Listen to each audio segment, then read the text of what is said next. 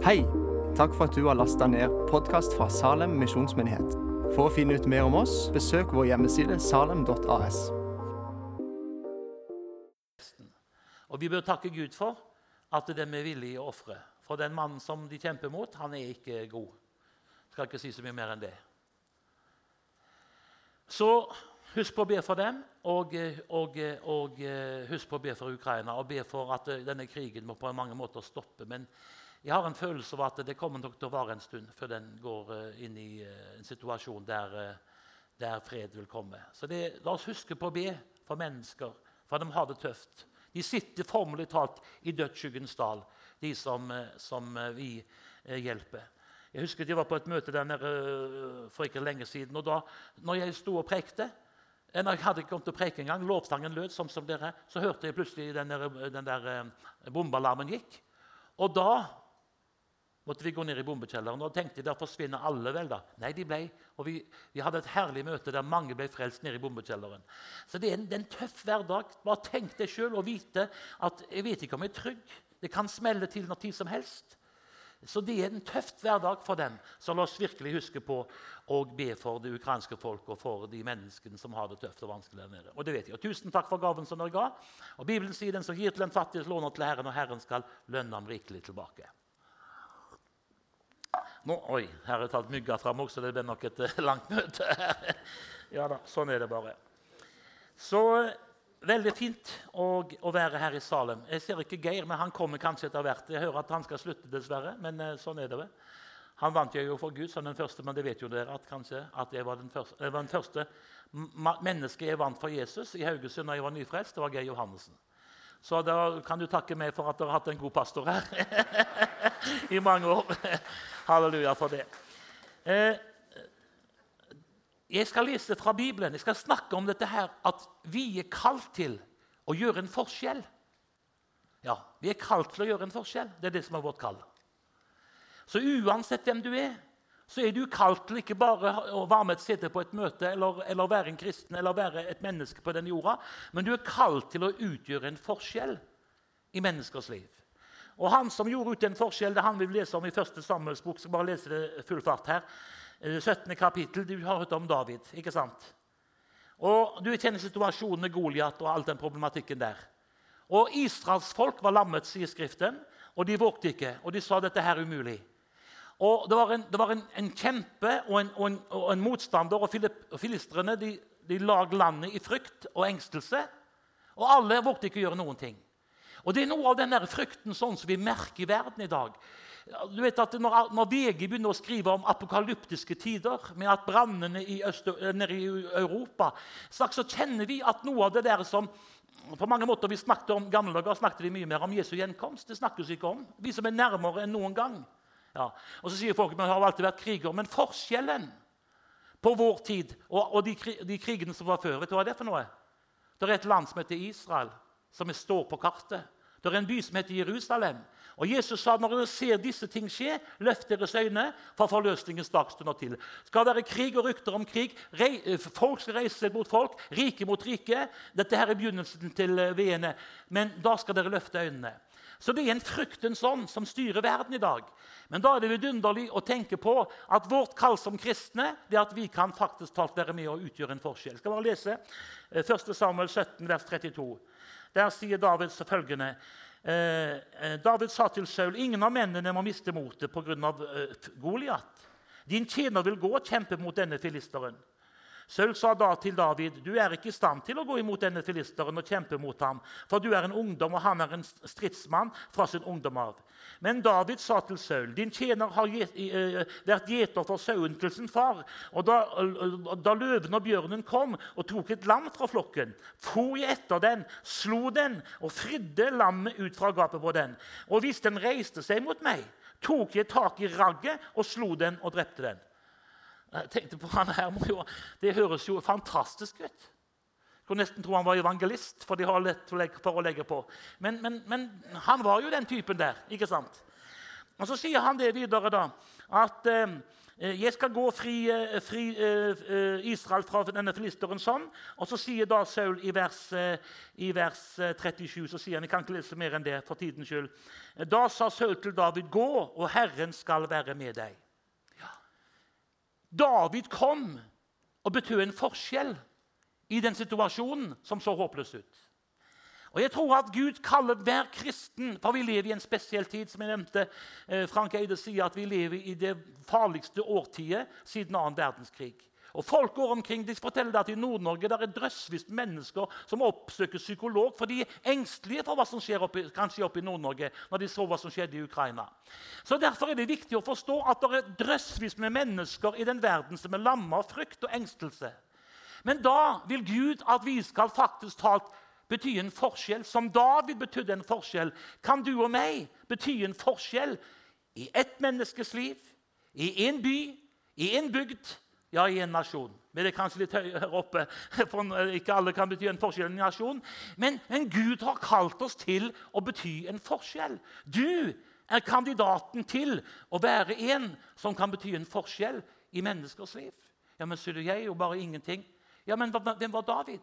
Han var ikke regna med i det hele tatt. Ingen regnet med David. Når Samuel kom og skulle salve kongen, da spurte, dem, spurte David, nei, spurte fare, Samuel spurte, er dette alle du har. Ja, sa han, vi, dette alle. Nei, forresten, vi har en. Men han regner vi ikke med engang.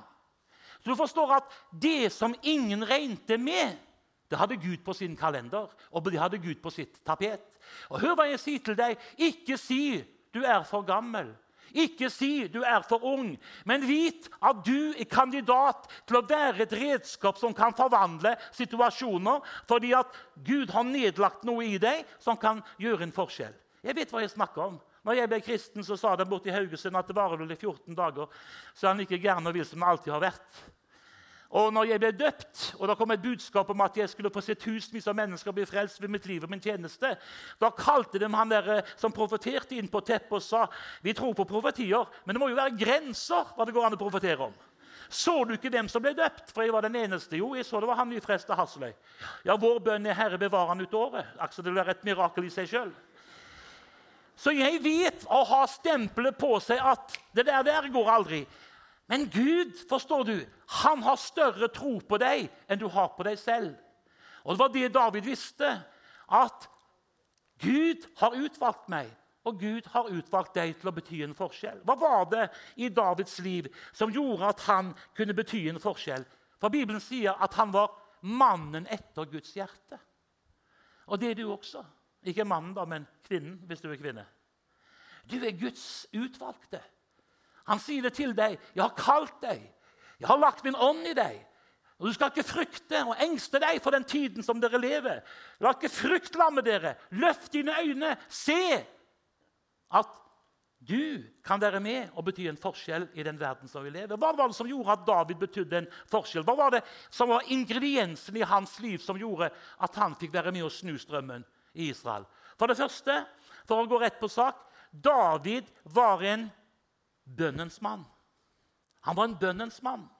Han sier det i Salme 141, vers 2.: La, mine, la min bønn gjelde som røkoffer innenfor ditt åsyn, og la mine henders oppløftelse regnes som aftenens matoffer. Han sa, på morgenen, Herre, så ber jeg til deg. På kvelden og natta så hører du mitt sukk. Så David var en mann som trodde på at bønn kan forvandle situasjoner. Kan du si ammen til det? Og du forstår at vi, Hvis vi kunne forstå, som Bibelen sier, at den rettferdige mann og kvinnes bønn har stor kraft og virkning, så ville vi enda mer forstå at det å be det er ikke bare noe vi gjør for religiøs vane, men bønn er med å forandre situasjoner. Som David ba og hadde bønnens kraft i sitt liv, så har Gud kalt oss til å be. Og vi skal få se at når vi ber, i Jesu Kristi navn, for det er det som er hemmeligheten, så kan ting snu seg. Har du lest i Apostelens gjerninger 12 om Peter som havna i fengsel? Og Situasjonen så ganske håpløs ut, står det skrevet. Men så står det i vers 5 i Apostelens gjerninger 12, vers 5, så står det Men det ble gjort inderlig bønn til Gud for ham av menigheten. Midt på natta hadde den bønnemøte. Og så skjedde det at lenkene ble sprengt av, dørene åpna seg, og friheten kom, og veier ble banet der det ikke var noe vei. Så bønn kan forvandle alle situasjoner. Så Derfor er det viktig å be. Den rettferdige mann og kvinnes bønn. Du kan være med og snu en situasjon. Og det at du er i din familie. Hør hva jeg sier til deg. Det er ikke tilfeldig. Du er plassert der med en hensikt. Du er plassert der for å bety en forskjell i menneskers liv. Du har sikkert barn, og du har kanskje barnebarn, og du har sikkert eh, sønner og du har kanskje søsken, og kanskje ikke alle kristne engang. Da er du Guds redskap inni den familien. Det står til og med det i Skriften vet du, at barna dine er helliget hvis du er kristen, er helliget pga. deg. Så du forstår at du er mye mer betydningsfull enn du kan fatte. Det, det at du er i en familie, og det at du er i en by, og at du er i et nabolag, det betyr en forskjell. Halleluja. Og så sier du ja, men jeg ber, mine, mine bønner er jo ikke så fullkomne. Men de som ba nede i apostlenes gjerninger, de var ikke så fullkomne, dem heller. Vi har så lett for å sette folk på en pidestall hvis vi hadde vært sånt. Men det var ikke så fullkomne folk. Har du ikke lest hva som skjedde? Når de ba, så, ble Peter fridd ut av fengselet. Ikke sant? Og Midt på natta så visste han hvor de var samla. De var samla i Marias hus. Og Så gikk han og banka på døra der. Og så var det en tjenestedame står der, kvinne, som heter Rode. Hun kom, og så åpna hun luka i døra, og der så hun rett på Peter. Og så han, 'Er det deg?' 'Ja.' Og, 'Er ikke du i fengsel?' da? 'Nei, Herren har hørt deres bønn og fridd meg ut av fengselet.' Vet du hva Hun gjorde? Hun lukka luka igjen. Ja. smør, det var ikke så mye tro. Og Så for hun inn til apostelen som satt der og hadde kraftige bønnemøter. Og Så sier hun, 'Vet dere', hun. 'Ja, hva er det nå for noe?' 'Peter står på utsida. Herren har fridd han ut fra fengselet.' 'Å, slutt å tulle', sa de. Det er ikke Peter, det er engelen hans. Så de hadde jo ikke tro på den bønnen de ba sjøl, men Gud virka likevel. Halleluja. Og det har jo lært meg det, at du forstår det, at det er ikke hvor stor du er i deg sjøl, men den kraften som fins i navnet til Jesus. Og den bønn som bes i Jesu Kristi navn, har stor kraft og virkning. Gud vil at du skal være med og bety en forskjell i menneskers liv fordi at bønnen kan forvandle alle situasjoner. Det ble veier. Folk ble fri, folk ble løst, og folk ble satt i frihet.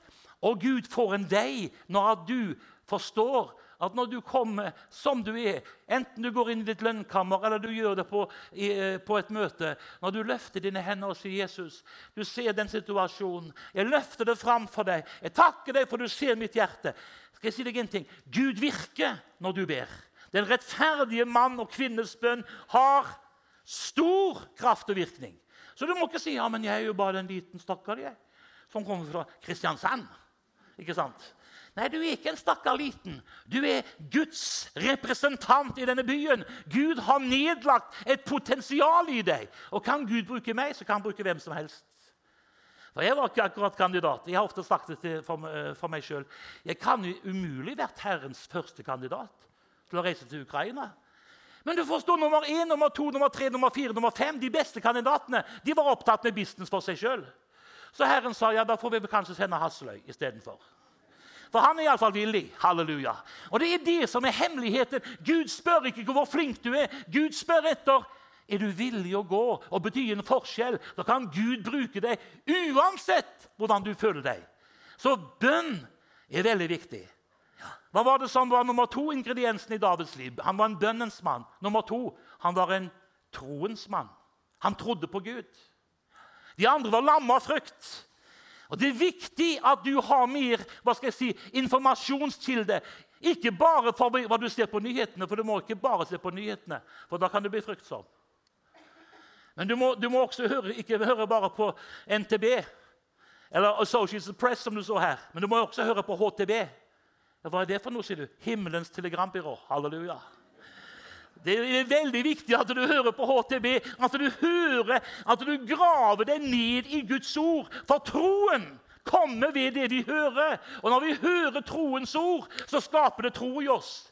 Hvis du bare ser på negative nyheter, skal jeg si deg en ting, da er det ikke rart at du er fryktsom. Men hvis du får nåde av Gud til å si, sette deg en stille stund ved Jesu føtter og lytte til Guds ord, så vil tro komme. David var en troens mann. Han sa, 'Om vi alle andre ikke går, så skal du ikke frykte Saul. Jeg skal gå.' Og Disse israelittene de sa at denne Saul han er så svær at han er, han er umulig å, å, slå han. Han er så svær at vi har ikke kjangs. Bare de så han, så skrav dem i, i buksene. Men David hadde en annen tanke. Vet du hva han tenkte? Den mannen der er så svær at han er det umulig å bomme på. Halleluja. Så altså, Det kommer an hvordan du tenker. Hvis du har en negativ tanke, så blir ting være negativt. Men tenker du som Abraham tenkte, at Gud er mektig ikke sant? Han så, på, han, han, han så ikke på sitt utdødde sitt skrale legeme. Han var jo var det 100 år han var når han, når ble far til, til mange nasjoner. Ja. Og Sara var 90. Og det er klart at Han kunne sagt det er jo helt umulig. Hun kan jo ikke bli gravid, den gamle dama. ikke sant? Og det er klart at eh, Menneskelig talt var det umulig. Men han hadde et løfte. Halleluja. Så istedenfor at Sara havnet på gamlehjem, så havnet han på fødehjem istedenfor. Halleluja. Priset være Herrens vidunderlige navn. Du forstår de at når du Ja, men det er jo sant. Ja, Hun lo når hun hørte det, men Herren sa neste år på denne tid skal du ha en sønn i dine armer. Og Da lo hun godt og sa han, tenkte, Men Herren sa du lo. Nei, nei, det gjorde jeg ikke. vet du. Men hun løy også. vet du. Men Herren sa jo, sa han, du lo.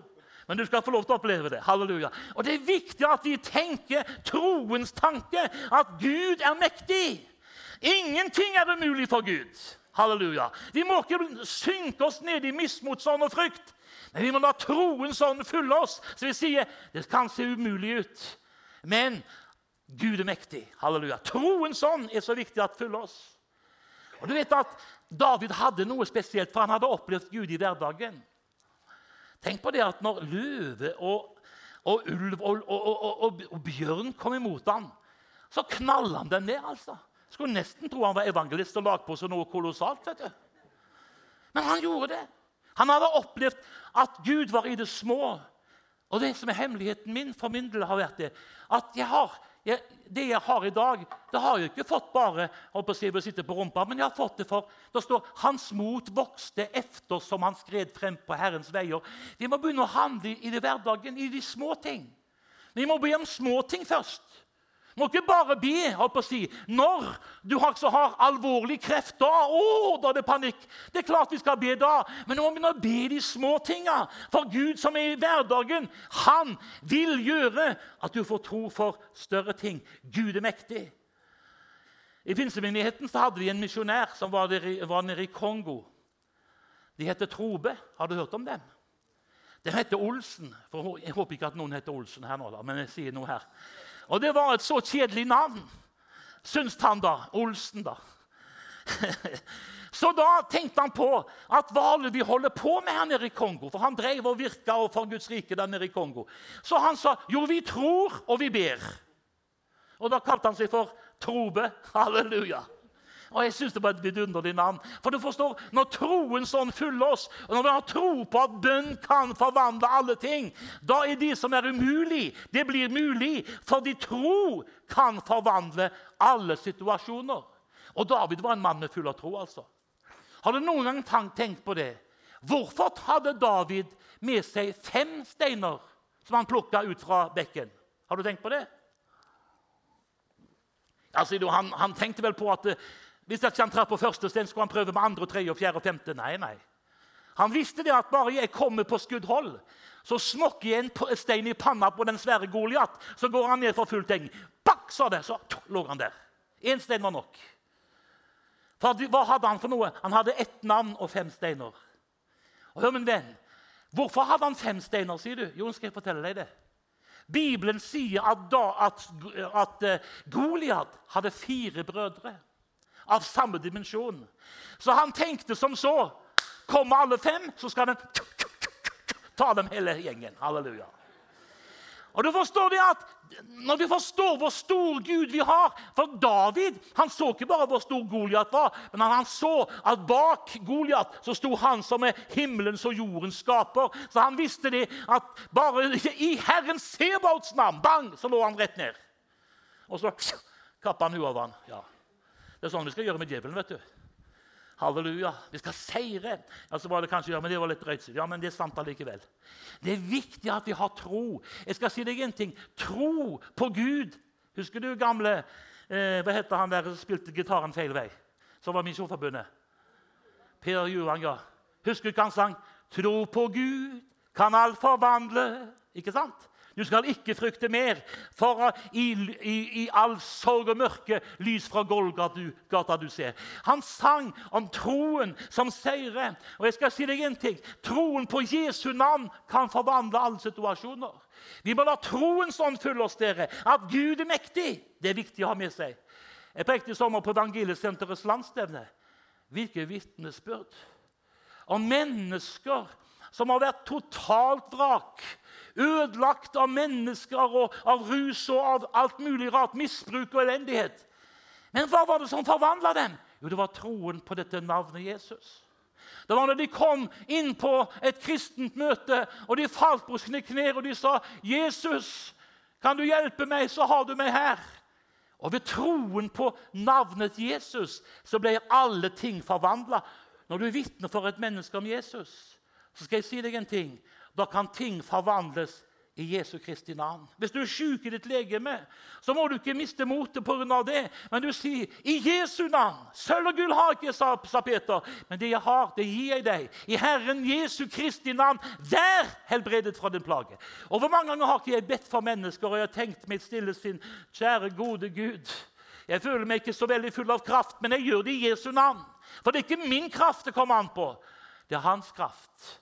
Det er ikke mitt navn som det kommer an på, det er hans navn. Hans navn er over alle navn. Jesu navn er hemmeligheten til å se forandring. Og jeg skal si deg en ting.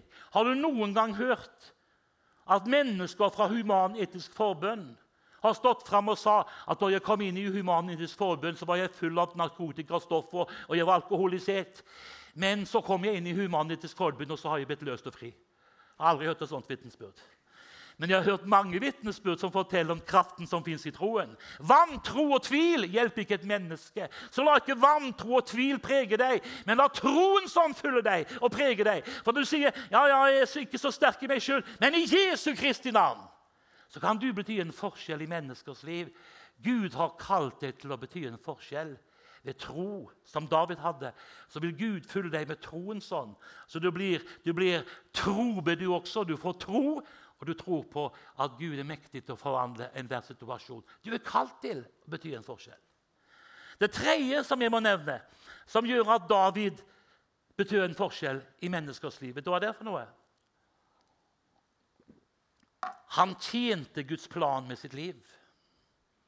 Ja, hva, mener du med det, Hasle? Jo, Det står i Apostelens gjerninger 13, vers 36. At David døde, står der etter at han i sin tid og i sin generasjon hadde tjent Guds plan med sitt liv, og så gikk han til sine forfedre. Du forstår Det som er det fantastiske, det er at Gud har en plan for den enkelte av dere. Selv om du kommer fra Karmøy. Halleluja. Han er fra Karmøy nå. Ikke sant? Det er herlige folk fra Karmøy nå. Arabere er jo fra Haugesund. det er arabere og karmøyfolk. vet ikke hva de kaller den for. Men de som bor, som en som sa her nede, han var siddis. Stemmer ikke det? Du var siddis, du som satt der nede. ja. På Vestlandet er det mye rare folk. Du har siddiser, du har, du har arabere. Og når de bor i Sauda, så er det saudi-arabere. Så det er en merkelig gjeng med, med folk der borte på Vestlandet. Men tenk på det, at Gud kan bruke den enkelte. Og da du ble født eh, fornavnet ditt var? Daniel, ja. Så hadde Gud en plan med ditt liv. Ja. Og for hver enkelt av dere så har Gud en detaljert plan med deres liv. Dette står i Feserbrevet 2, vers 10. Vi er Hans verk, skapt i Kristus Jesus, til gode gjerninger, som Gud forut har lagt ferdige for at vi skal vandre inn i dem. Vet ikke om du tenker på det, men Gud har en plan med ditt liv. Ja, Mener du i det store? Ja, men det har han. Men han har også i hverdagen. Han er hverdagens Gud. Altså, Jeg ber om alt mulig rart. Har dere hørt om alt rart jeg ber om? Så ber jeg om så mye rare ting. Det var en predikant som kom til meg en gang for ikke, ja, det var en stund siden, og så sier jeg at han var så veldig forkjøla. Så sier jeg til han, er du fått, ja, han hadde fått influensa, og han hadde ble aldri kvitt den influensa. Skal jeg be for deg, sier jeg. Nei, det, han brøyker vår Herre med slike småting. Og jeg så sier ja, ja, sier. Da kan du være dum og sjuk, da, så jeg har det godt, så gikk jeg. Det er klart at Hvis ikke du tror at Gud er mektig, så, så ikke sant? For det er Gud, forstår du. Han er ikke bare oppe i det store og det høye. Han er nær ja. i hverdagen. Jeg ber om alt mulig rart. Halleluja. Parkeringsplass når jeg ikke får det. òg. Jeg ber om penger når jeg ikke har det. òg. Jeg ber om at Gud må velsigne det jeg holder på med. Og Jeg skal si deg en ting. Jeg har begynt med to tomme hender. Jeg har ikke fått fem øre fra den norske stat. Men vi har hjulpet millioner av mennesker i Øst-Europa. Hvordan kan det skje? da, sier du? Jo, fordi at når du går i ferdiglagte gjerninger, så kan du plutselig oppleve at i alle dager Gud var der. Gud er mye nærmere enn du tror. Han er akkurat, han, han er hos deg hver eneste dag. Ja, det er jo sterkt, sier du. Ja, men han er enda nærmere. Han bor ved troen i ditt hjerte. Ja. Helligånd, han, han, bor i oss. vet du. Vi er tempel for Den hellige ånd. Halleluja. Så når, når, du blir eldre, så har du kommet inn i den tiden som heter prostataalderen. Vet ikke om du vet hva jeg snakker om? ja, jeg vet jeg er vill og gæren, men det har jeg alltid vært, så jeg bryr meg ikke. Men det er sant, det. Vet du hva som skjer da? Ja, Da våkner du på nettene. Ja, du skjønner det ikke nå, men du skal skjønne det siden. men det er så herlig. vet du. Når du er frelst, så, så, så våkner du, så kjenner du så Oftest i natt så våkner jeg med et herlig bibelvers. Jeg kjente, å, jeg av meg over det bibelverset. Og Litt senere på natta så våkna jeg med en herlig sang. Så tenkte jeg, så herlig. Du forstår det? Gud er ikke langt borte. Han Han er nær hos deg. 24 timer i døgnet. 365 dager i året. Han er der, og han hører hver bønn som du ber, og han ser hvert sukk som du sukker. Og han ser det han sier. 'Jeg har en plan med ditt liv'. Det er ikke tilfeldig at du er født på denne jorda. her. Fra du, da du var et foster, så jeg deg. Og i min bok ble alle dine dager oppskrevet før den var kommet. Så var skrevet. Så han er med i hverdagen, og han vil hjelpe oss og Det er derfor det er så viktig at ikke du bare sentrerer bønnen omkring deg selv, men du, selv, du, du sentrerer bønnen om 'Herre, velsign meg', og gjør meg til en velsignelse. For det kan bety en forskjell i menneskers liv. Kan du si ammen til det? Ja. Det betyr noe at du fins, forstår du. Det betyr noe at du stopper på, på kanskje naboen og sier 'Så koselig å se deg.' Ja, men 'Skal jeg preike til ham med en gang?' Nei, ikke gjør det. Men vis vennlighet. Det som berørte mitt liv når jeg gikk på gaten i Haugesund, det var jo at mennesker brydde seg om meg. En som heter Kåre Ellingsen han stoppa og sa 'Hvordan går det med deg, Halvard?' Det var ikke så mange som spurte om det. 'Ja, det går ikke så verst', 'Jeg ber for deg', sa han. 'Du kommer til å bli frelst'. Ja, ja, så er det, Får håpe det, da. Jeg visste ikke hva jeg skulle si, for jeg syntes det hørtes så rart ut. Og Så møtte jeg noen andre der på Tennsenter som sa 'Vi ber for deg'. Og Så var det en legefrue, hun var en veldig pen dame. Hun var, uh, bodde nede i uh, Haugesunds fineste hus. Og jeg var der før hun visste om det, men det er en annen sak. jeg skal ikke si så mye mer om det. Men, men glem nå det, da. Fru Lindeland heter hun, var pen dame. Sigge Lindeland. Ja, fin dag. Så sa hun til meg kan vi få be for deg Hasløy hver dag. Jeg må gjerne be det ut i det blå i ansiktet. Det hjelper ikke allikevel. det sier. Å jo da, det hjelper, for jeg ber i Jesu navn. Jeg, så. jeg bare ber du, sier og det som jeg ikke visste. Det er kraft i sånne gamle kjerringers bønn. Halleluja. Det er livsfarlige sånne gamle damer. For når de knepper hendene og ber, så virker Den hellige ånd. vet du. Ja. Og stadig så møtte jeg på dem. Og så sier jeg, 'Er du her igjen?' 'Ja', sa hun. 'Ja, hvorfor er du her da?' sa, sa 'Nei, jeg bare kjente at jeg skulle komme og si, si noe til deg.' 'Hva skal du si nå, da?' sa jeg. «Skal skal si at du blir snart frelst.' Må du slutte å tulle, sa jeg. Ja. Det er fantastisk. Når de går i de ferdiglagte gjerningene. forstår du? Og så En kveld da, så hadde jeg stjålet en motorsykkel for å være helt ærlig, og, og kjørte nedover en bakke nede i Haugesund, eller Kvalerbakken. vet Noen av dere vet på det. Og det holdt på å gå galt. Og Da hørte jeg en, en røst som sa til meg Nå var du nær evigheten, og du er ikke rede. Tenkte i alle dager, Hadde begynt å høre stemmer nå. Begynte å klikke for meg. Så gikk jeg til hun fru Lindeland og sa til henne du sier, ber du for meg fortsatt hver eneste dag. Ja. Kutt ut denne beinga, sier jeg, for nå begynner jeg å høre stemmer. og nå begynner jeg å bli nervøs. sier Kutt ut den der beinga! Jeg har det vondt, sier jeg, for du rebier, så jeg får problemer her. sier Vet du hva hun sa da? Å, halleluja! Ja. Så sier de ikke halleluja, sier det er vondt. Ja, men det blir snart godt, sier For du blir snart frelst. Så tenkte jeg Så sier jeg nei, jeg hun var jo ikke store dama, var 1,60 over havflaten, så jeg kunne jo ikke smokke til henne. Så sier jeg, 'Glem det, da. Glem det. Men kutt ut beinga.' Ja, 'Det kan jeg ikke love, sønn, for jeg vil du skal snart bli frelst.' jeg. Uff, tenkte jeg, nei, glem det. Men en kveld var ikke edru engang. Så gikk jeg over, over nede i Haraldsgata i Haugesund. Da var det tennsenter. Klokka var halv tolv. Da hørte jeg den stemmen igjen. Gå på, går på kaféloftet. Så gikk jeg bort og tok i døra. Han var jo stengt, som jeg visste. Jeg er stengt her, sier Når du ikke er edru, så snakker du med deg sjøl. Du vet ikke det, men jeg vet hva jeg snakker om. og så jeg glemmer det da.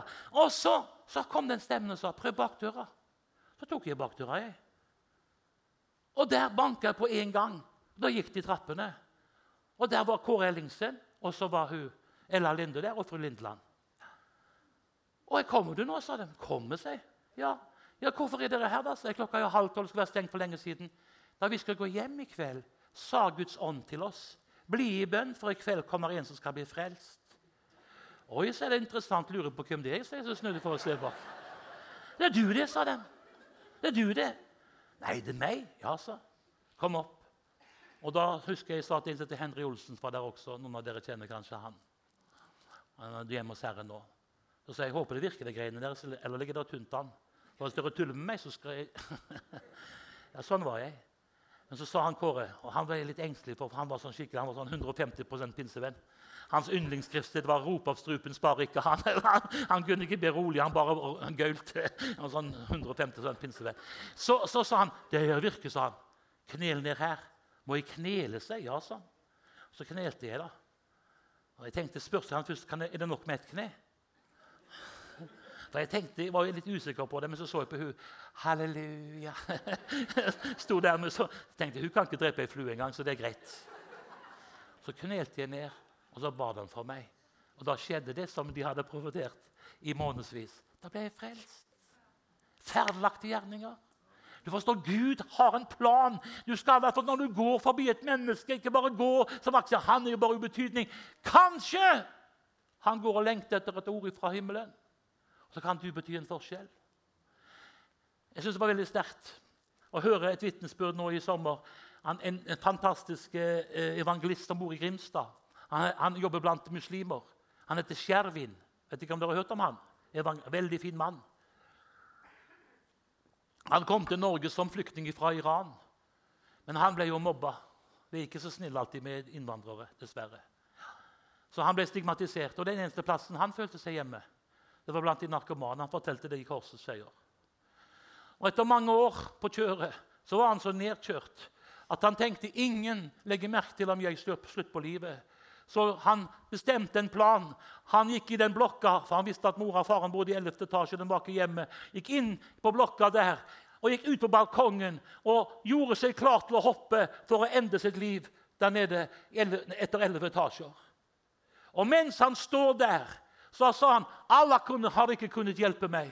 Men da ba han en bønn for første gang i sitt liv. Så sa han himmelens og jordens eh, skaper, hvis du ser meg nå, så hjelp meg.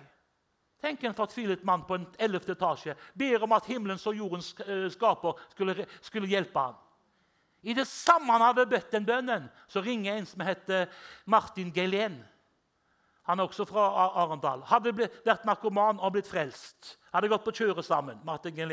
Jeg tror han er sønn til hun deres som er på Vision Norge. Jeg kaller henne bare for Dolly Parton, for hun er så veldig oppstasa. Men det er en annen sak. Jeg må ikke si at jeg har sagt det. Du har sett henne der? Ja da, ja da, så veldig sånn. Ja da. Ja, men glem det, da. Hun er Fin dame. Brennende flott kristen. Men, men glem nå det, da.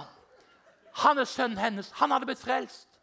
Idet han sier 'Himmelens og jordens Gud, ser du meg nå, så hjelp meg'. I det samme så ringer Martin Gelén. I det samme han ber, så ringer telefonen. Så sier han 'Martin'. Oi, jeg får ta telefonen, da. Så sier han 'Er det deg, Martin?' 'Ja.' 'Hvorfor ringer du?' Da sier Martin 'Himmelens og jordens Gud har bedt meg å ringe til deg.' 'Hvor er du hen nå?' 'Jeg har blitt frelst, kan ikke møtes.' Og Istedenfor å hoppe så går han ned fra 11. etasje inn på leiligheten til Martin Genlin, og der blir Skjervin herlig frelst. Og I dag er han evangelist blant muslimer i Norge og vinner hundretalls av mennesker for Jesus. Vet du hva det fortjener? En klapp til Jesus. Halleluja. Priset være Herrens vidunderlige navn. Du forstår at når vi går inn i ferdiglagte gjerninger ja, men sier du, det er jeg, jeg, jeg minner på det. Ja, så gjør det, da. Hvor ofte har du blitt minnet på å gjøre noe? Nei, men kan, det er jo så dumt. Hva vet du om at det lille som du gjør, kan bety liv og død for mennesker? Du er kalt til å utgjøre en forskjell. Nå skal jeg snart være ferdig. Sier predikanten alltid, og så blir de aldri ferdig. Men jeg er snart ferdig.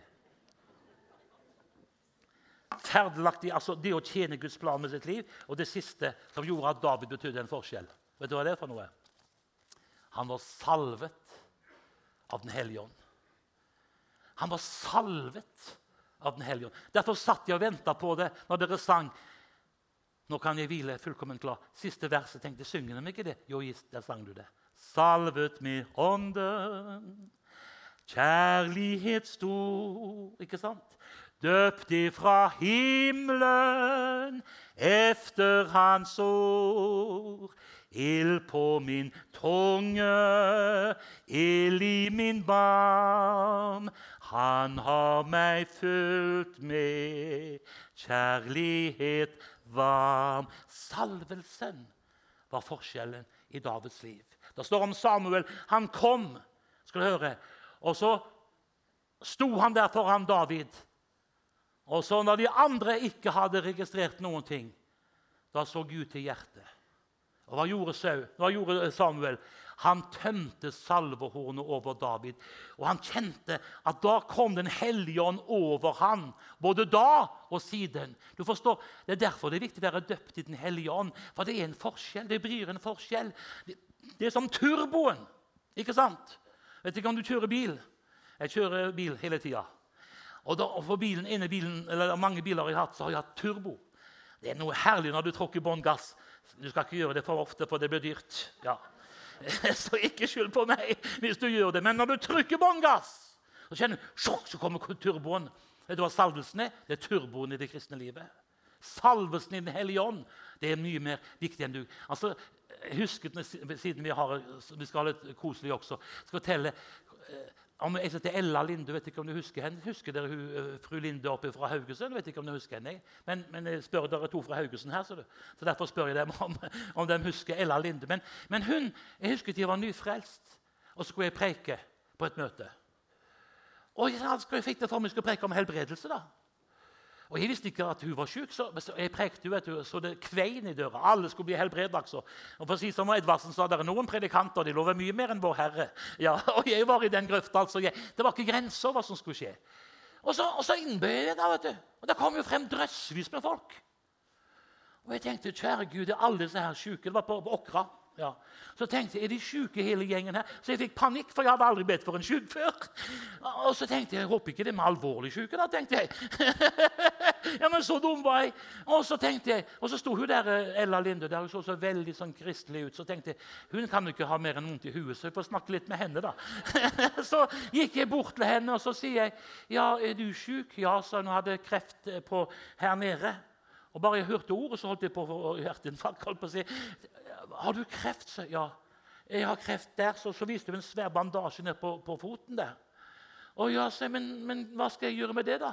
Du skal salve meg med olje i Herrens navn, sa hun. Det hadde jeg aldri hørt om før. Så sier jeg, hva var det du sa? Du skal salve meg med olje. må du kvikke, Det er mange som trenger forbønn her. Hun tok initiativet. Ja, sier vi, eh, ja, du må salve meg da, med olje. Det bare spør, det er olje der oppe. Jeg visste ikke at det var olje engang i menigheten. Jeg. Så sier jeg ja vel, ja vel, vil du? Og så tenkte jeg ja, hva skal jeg gjøre? Og så kom jeg plutselig på det. Jeg hadde lest om Samuel som salvet uh, David til, til, konge. ikke sant? Så så jeg på henne så sa jeg, ja, 'Vil du virkelig bli det?' da, sa jeg.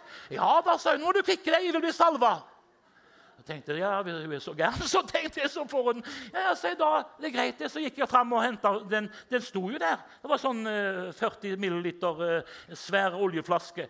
Så sier jeg til henne, 'Vil du virkelig bli salva?' 'Ja', så nå vil jeg bli salva. Må kvikke deg', hun. Ja, ja, så, men da kanskje du kan ta av deg hatten. Ja. Og så sier du, For jeg visste jo ikke noe annet om, om, enn om salvelse i, i, i Gamle testamentet. Men hun mente jo Jakob 5. Det visste ikke jeg. Jeg hadde aldri lest Jakob 5. Så sier jeg til henne, 'Gjør deg rede. Løft dine hender.' 'Her skal du bli salvet', sa jeg til henne. Og hun løfta henne. Hun trodde at jeg tenkte meg at Nytestamentet, men jeg var i den gamle. vet du. Så sa jeg 'løft hendene, lukk dine øyne'. og så skrudde jeg opp flaska, så tenkte jeg 'hun ba om det', og så brrr. Jeg har aldri sett en mer salvet dame i hele mitt liv. Det rant på henne, vet du. Pastoren og eldstebrødrene forsvant ut bakdøra. Og jeg sto alene med hun der. Så begynte hun å tromme med beina. Og så sier jeg, 'Kjære Gud, hva som skjer nå, da?' 'Det brenner i beina mine.' Så tenker jeg, 'Kjære Gud, nå tar hele kjerringa fyr.' og så sa jeg at 'Jo, kjære Gud, tenkte, hva skal jeg gjøre?' Så forsvant du. Og tenkte 'Takk og lov, nå forsvant du'. Men det var ikke lenge etter så kom hun tilbake. vet du. Og da hadde Hun tatt av, hun hadde sånn strømpe der. Og så hadde hun vært ute på toalettet og sjekka bandasjen. Og når hun tok vekk bandasjen Momentant helbreda. Halleluja. Men hun ble salvet. Halleluja. Og hvis du vil komme fram til forbundet i kveld så skal Herren salve deg, ikke jeg. For jeg gjør det av og til litt gærent. Men du, tenk hvilket vidunderlig at det fins en kraft som heter Den hellige ånds kraft og salvelse. Det er, ikke bare, det er ikke bare ord som vi sier, men det er noe som skjer når vi kobler inn på Gud. Og vi kjenner Hele himmelen er åpen over meg. Ikke sant? Hele himmelen er åpen over meg. Det er nåde over nåde. Jeg kan aldri helt forstå det, men hele himmelen er åpen over deg. Gud han vil salve deg som David var salvet, og betø en forskjell i menneskers liv. Vet du hva Norge trenger? Norge trenger mennesker som deg og som meg. Som er svake i oss sjøl, men som sier, 'Her har du meg. Salv meg ved Den hellige ånd.' Bruk meg i ferdelagte gjerninger. La meg få troen sånn, Herre. Gi meg ditt ord, og la meg få kjenne at når jeg ber i Jesu navn, så skjer det vidunderlige ting. Halleluja. Skal vi bøye våre hoder og være innenfor Herrens åsyn? Praise the name of Jesus. Halleluja. Ja, tida går. Jeg skal snart slutte. Prengi sakavara labashundu anamasi kire